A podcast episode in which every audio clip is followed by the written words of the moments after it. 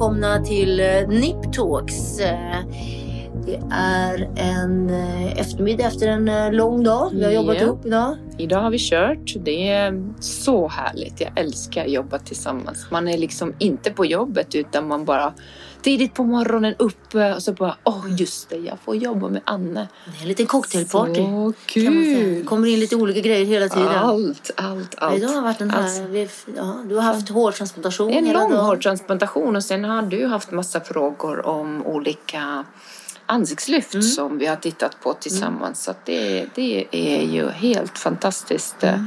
Ja, men så vi jobbar kunna- parallellt och jag har haft, jag tror jag har haft 20 patienter sammanlagt här och det har varit mycket hud, det har varit mycket, det har varit en medicinsk mottagning, det har varit allt mellan oh. akne, psoriasis, eh, eksem, tumörer. Ah. Två små operationer har jag också hunnit med. Du har som Tumörer. fantastisk lokal för jag hör bara hur du springer runt i olika rum. Det är helt Ja men det är ju bra. otroligt. Det känns sig och, så, ja. men så det har varit bra. Så jag har kastat in Ja. dig på det som har varit någonting. Exakt. Så. Och håret blev jättefint. Ja. har jobbat med den här så kallade kronan när man tappar hår som en ring i bak, bakhuvudet som många män tycker är lite ålderstecken. Det blir lite jobbigt. Så den, den fläcken finns inte kvar. Nej, det var supersnyggt. Jag var inne och jag varit lite sugen på att börja med det där igen.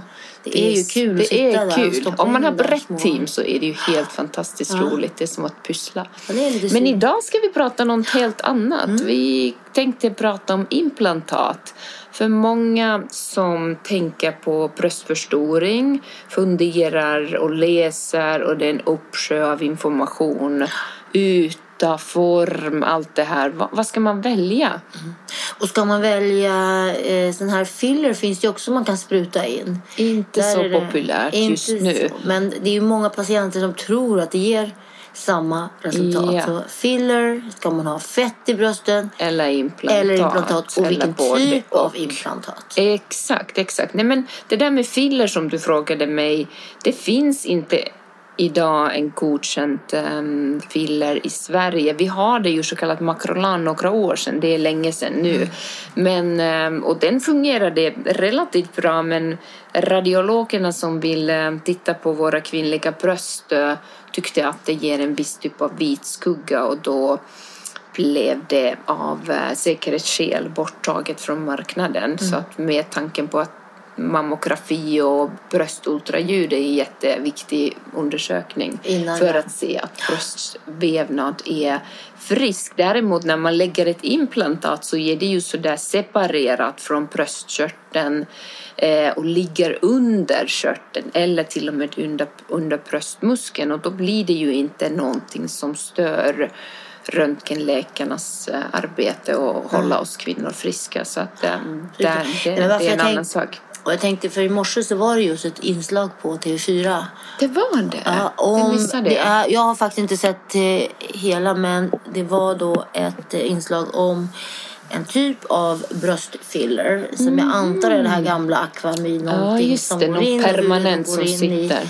i vävnaden och hur det kan bli. Och det vet ju vi om att Ja. det är så. Alltså det är ju inget nytt men det är bra att det tas upp. Jag tycker precis som du Ja. säger man ska ju aldrig tro att det kan ge samma resultat och de här långa Mm. effekterna 10, 15, 20 år senare kan ju vara förödande när man Nej men så det. är det ju, det såg vi ju. Den, den var ju godkänd i Sverige tror jag 80-talet och då användes den. Men sen långt, långt, långt efter så dök ju upp alla problem som vi fortfarande fightas med när de så kallade sena reaktioner kommer. Och den användes i ansiktet, läppar och har eh, orsakat problem. Så inget sånt utan däremot så kan vi använda kroppens egen Precis. fett om man har fett. eh, Om man inte är jättespinkig och äter mm, broccoli och grönsaker som vi många kvinnor gör. Så, så tar vi lite mm, fett och flyttar och det kan ge en viss fyll, fyllnad. Men om vi vill om vi vill måttbeställa bröst och säga jag vill komma från min A plus-kupa till en C plus eller D-kupa då måste vi ha en implantat för sällan har man så mycket fett i kroppen.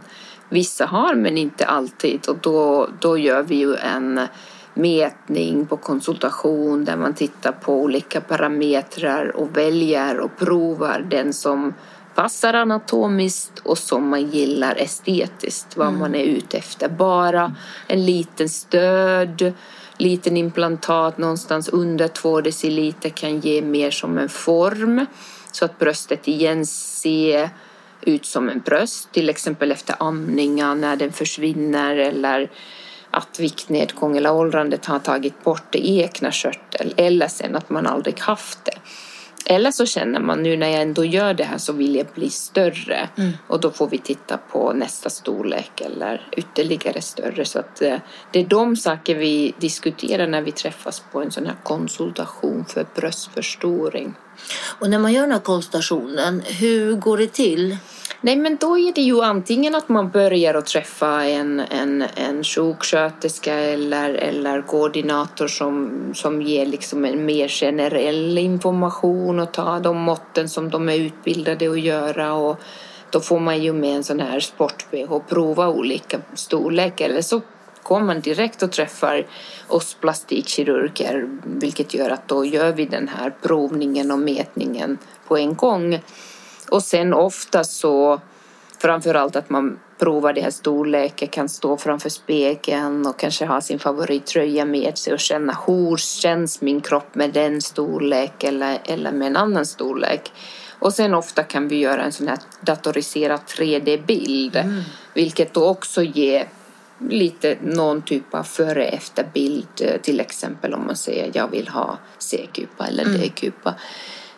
Um, och så får man se inslag av det vilket oftast ger en liten bekräftelse. Det där tycker jag om eller oj det där är alldeles för stort. Nej det där blev för litet och så håller vi på tills man är någorlunda säker. Det är ju alltid ett stort beslut och då kan man känna sig nervös.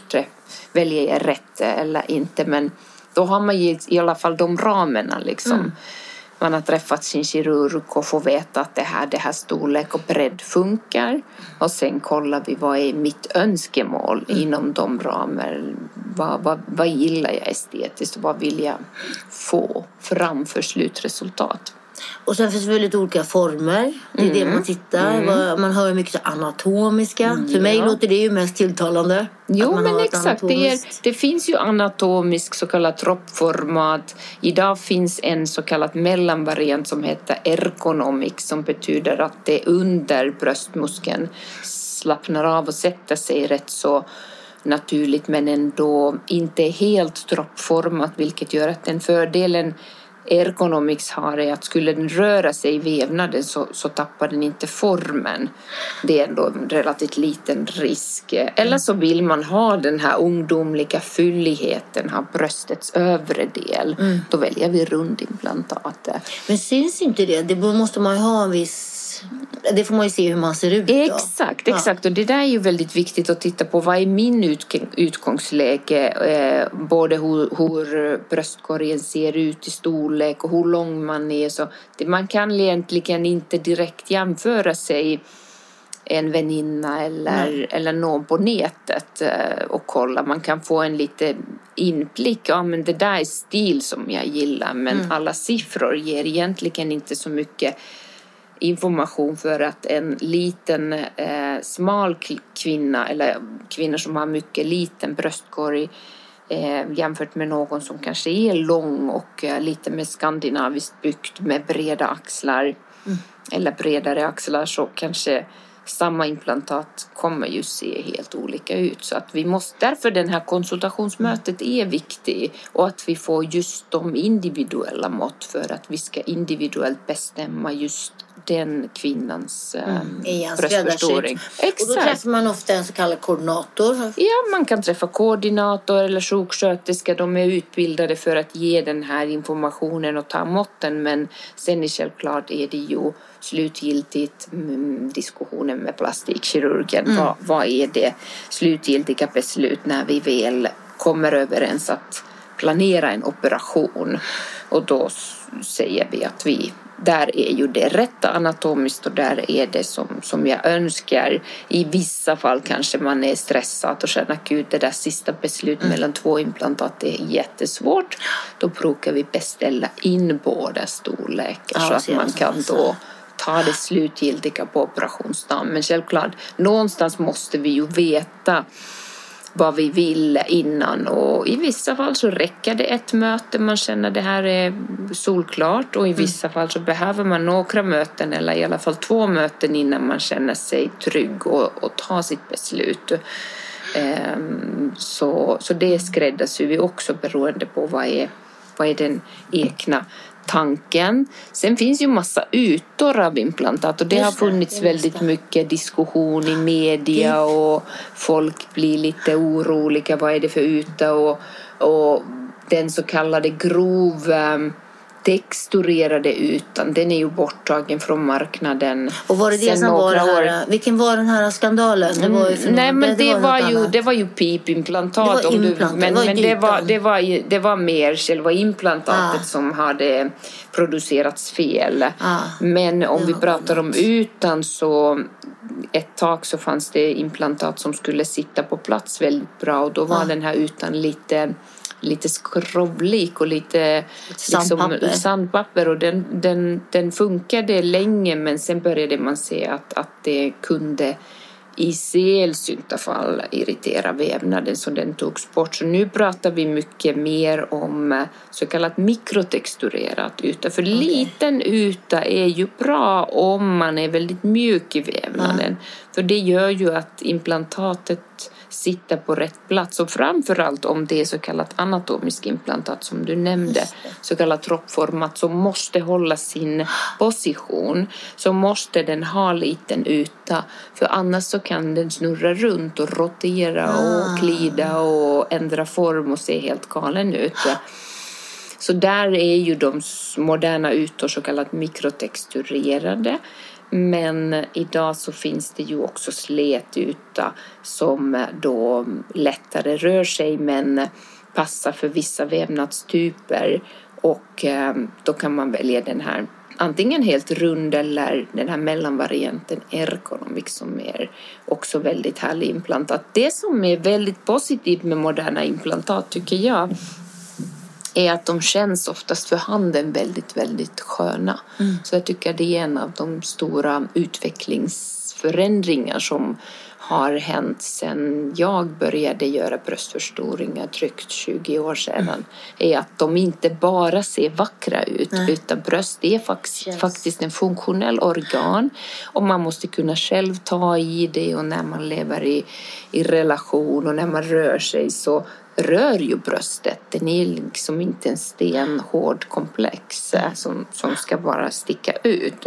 Och också att det följer med mm. kroppen. Med ja, exakt. Och där är ju nästa fråga, det här var man lägger implantatet. Är det framför muskeln, bakom muskeln? Ja men exakt och det är också individuellt beroende på hur vävnaden ser ut och sen delvis vad man själv önskar. Men, men är man jätte jätteliten och tunn och knappt har någon egen mm. körtel då är ju bröstmuskeln väldigt bra skydd för implantatet så att det ser naturligt ut och att inte den här kanten kommer mm. fram plus att det egna bröstmuskel, det är som en vinge det blir som ett inre bh och det ger lite stöd till implantatet. Men har man lite egen körtel och framförallt om man väljer relativt liten implantat då kan den ligga framför muskeln mm. väl mm. så att det är, det är inga konstigheter då utan ofta om vi pratar om väldigt stora storlekar eller väv, egna vävnaden är utarmad, tunn, mjuk, viktnedgång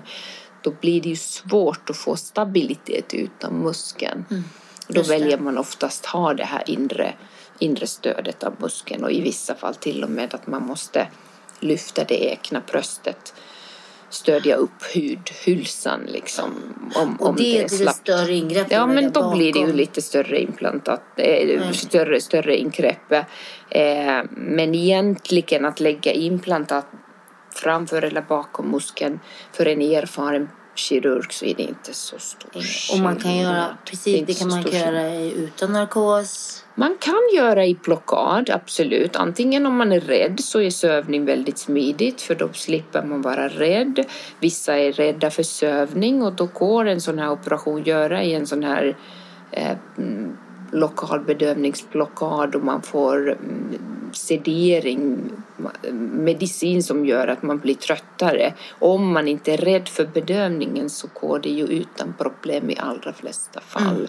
Sen om man är väldigt ung och vävnaden är jättetajt och man har aldrig kanske behövt besökt en läkare eller någon klinik så kan man vara lite stressad och kan sövning vara bättre. Men kvinnor som har fött barn och varit hos tandläkare och känt på bedövningssprutan så är det ju oftast inga problem att göra en bröstförstoring utan sövning. Nej.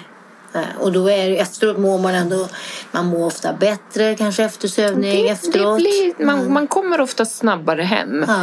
Eh, det är ju så, man är, man är piggare.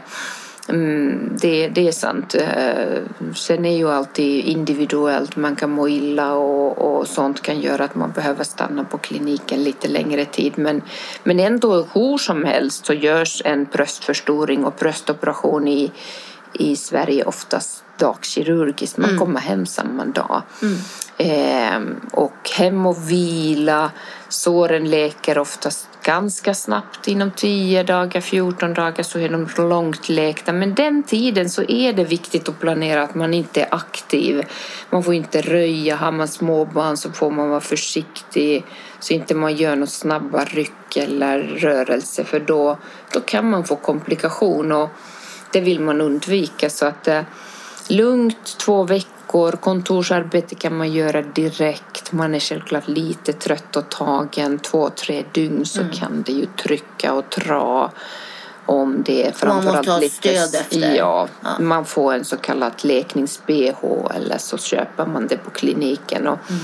Den är viktig detalj de första sex veckor cirka lite individuellt om man är jättemjuk i sin vävnad, tunn hud så kanske man säger ha den två, tre månader. Mm. Men annars så tillfälligt om man nu ska till någon bröllop eller fest eller någonting och vill vara fin så spel, då kan man ju byta och där finns ju speciella system till och med. I Pomia till exempel som jag har varit med och utvecklat har ju bh som ser ut som normala bh som man kan byta till om man känner att om en vecka ska jag till min systers 50-årsfest mm. så kan man ha en son eh, som ger ändå säker stöd. Men en liten stund så gör ingenting. Annars så är den här stöd-bhn viktig. Mm. En annan fråga vi har fått in det är det här hur man lägger snitten. Många är ja. så väldigt brydda om ärret. exakt, och ärr är viktigt. Det är ett minne för, för ähm, att, att, att man har varit där och då vill man ju få det så diskret som möjligt. Och traditionellt så är vi vana att lägga det under bröstet och där är ju den detaljen som jag nämnde tidigare att implantaten idag är så mjuka och skonsamma, väldigt stor detalj inklusive en så kallad kellerpåse som vi använder för att uh, minska kapselrisken. Mm. En sån här kapselhylsa mm. kan man få av implantat och den risken har vi sista åren kunnat sänka avsevärt från ungefär 4-5 procent till under 1 procent. Så det är också en... För att man gör vad då? För att man gör massa detaljer. Det finns en lång lista regler som man måste följa för att inte implantatet ska få kontakt med hudbakterier. Och mm. det, har, det är rutiner vi gör bröstförstoring Och det är lättare när man gör under bröstet då? Mm, egentligen, men framförallt att man använder den här kellepåsen. Ah, kellepåsen. Och det gör ju att det är lite som en jultratt du vet när du dekorerar servera dina pepparkakor så, mm. men steril självklart. Ja, och då jag. går den här implantat... inte, vi tar inte det från jullådan direkt. Eh, inte oftast i alla fall. Nej. Men, eh, men så att det är, en, det är en väldigt fin verktyr, dyr sådan, men, men bra att ha. Och då går ju den här implantatet eh, liksom smidigt in via mindre hål. Ja, och då kan vi få ett rätt så litet ärr. Och vi pratar idag om så kallat shortcut, eh, short scar bröstförstoring mm. där ärret blir så litet att det är knappt synligt. Mm. Men självklart återigen om vi pratar om stora implantat så kan ärret behöva vara lite större men de där långa, långa ärr som vi har det med gamla implantat som var hårda och så kallade formstabila, de har vi nästan kommit ifrån. Eh, sen kan man välja ha ärret om man har rätt så bred bröstvårtagård. Mm och tycker att ärret, eh, man vill hellre ha ärret där så då går det ju gå via den vägen. Ja, Men har man jättelitet bröstvårta så är det svårt att få in mm, implantatet den Ja. vägen. Men, men som sagt, en normal stor bröstvårtagård eller, eller lite bredare då kan man välja att lägga ärret där om man vill. Så att, Och armhålan. Armhålan Finns- är möjligt också. Nackdelen med armhålan är att det går ju väldigt mycket lymfbanor och nervstruktur. Just det. Och sen om man nu skulle eh, råka få bröstcancer någon gång under livet, vilket är inte så ovanligt hos oss kvinnor. En av tio kvinnor eh, får det någon gång, även om de flesta blir friska tack och lov idag. Det finns så fantastisk vård. Så då finns en undersökning som heter Sentinel Node. Och det, där är ju viktigt att de där lymfbanorna i armhålan är hela, att man inte har varit där. Och den är ju viktig för att skräddarsy den behandlingen som man får om man drabbas av bröstcancer. Så att det är inte min favorit med tanke på att jag har arbetat på Karolinska sjukhuset länge sedan när jag som plastikkirurg jobbade med det teamet. Så då vill man, drabbas man så vill man ju ha all hjälp som går. Absolut. Utan bröstvårtagård eller under bröstet så, och som sagt idag så är det väldigt sällsynt att se långa ärr med tanke på att eh, vi har dessa möjligheter. Ja. Så det är fantastiskt. Det är och då är det oftast som ett litet linje eller lite rodnad som att bhn hade tryckt på. Och, och vet man, man, vet man så vet, hittar man ärret. Mm. Men eh, vad heter det? Ehm, det är inte så att det skriker av Nej. operation. Så det är fantastiskt också. Det har hänt jättemycket. Det har hänt mycket. Mm.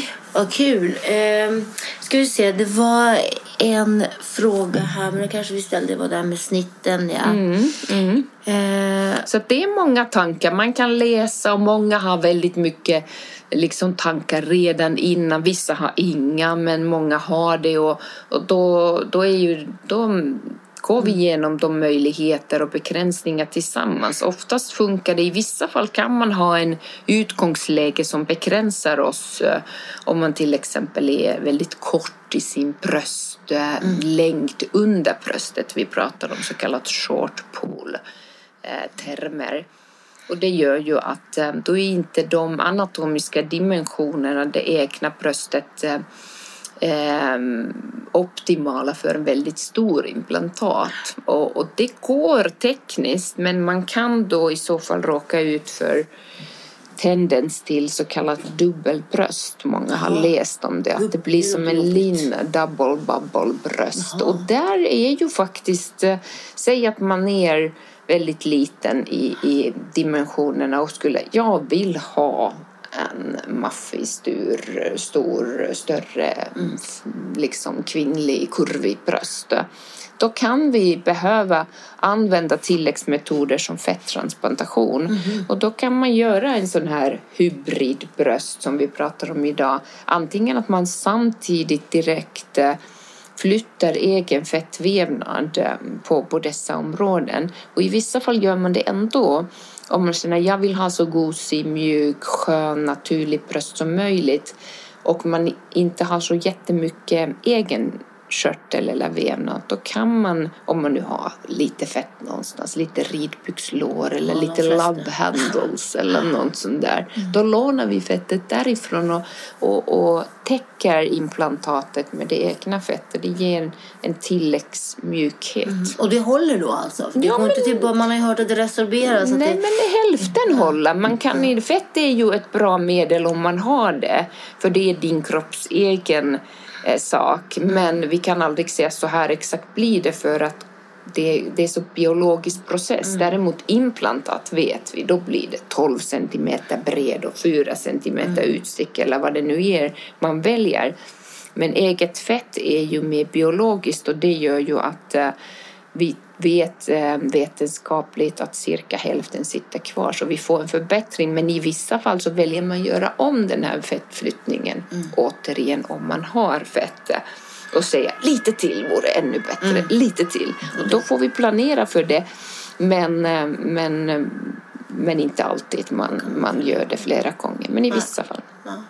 Och sista mm. fråga här. Eh, byte av implantat. Ja. Är det så att man måste byta? Är det någon tidsaspekt? Jo, men vi lever så länge och implantatbolagen oftast ger så kallade livstidsgarantier. Det är en väldigt bra fråga. Men kroppen vill inte behålla samma mm. implantat. Sällan vill den, vill den behålla samma implantat livet ut. Utan successivt så blir det lite som en främmande kroppsreaktion och kroppen börjar få eh, signaler. Det kan vara ilning, svullnad, hårdhet, någonting ser inte snyggt ut längre. Eh, och då byter vi implantaten. Mm. Så man startar om helt enkelt. De flesta vill ju byta för att det ger så mycket livskvalitet som man känner även om man är 65 eller 72. Vi har haft kvinnor som är över 80 som känner jag mår bra, jag reser, jag träffar mina vänner, jag vill ha en bröst. Så byter vi. Alternativet är självklart någonstans ta ut dem. Mm eller ta ut och lyfta det egna bröstet. Där är återigen fråga hur ser det ut? Mm. Vad vill vi? Och det går vi igenom tillsammans. Hur, hur agerar vi då? Men med moderna implantat så tror vi att man kan ha dem cirka 20-25 år. Mm så länge. Det blir en långtidsinvestering. Men mm. oftast någon gång så ska de bytas. Och framförallt får man besvär så är det ju viktigt att ta tag i det för att inte kroppen sen börjar bråka och få mer så kallad inflammatorisk reaktion. Nej. Så att eh, det är viktigt att lyssna på det och ta tag i det i så fall om man får problem.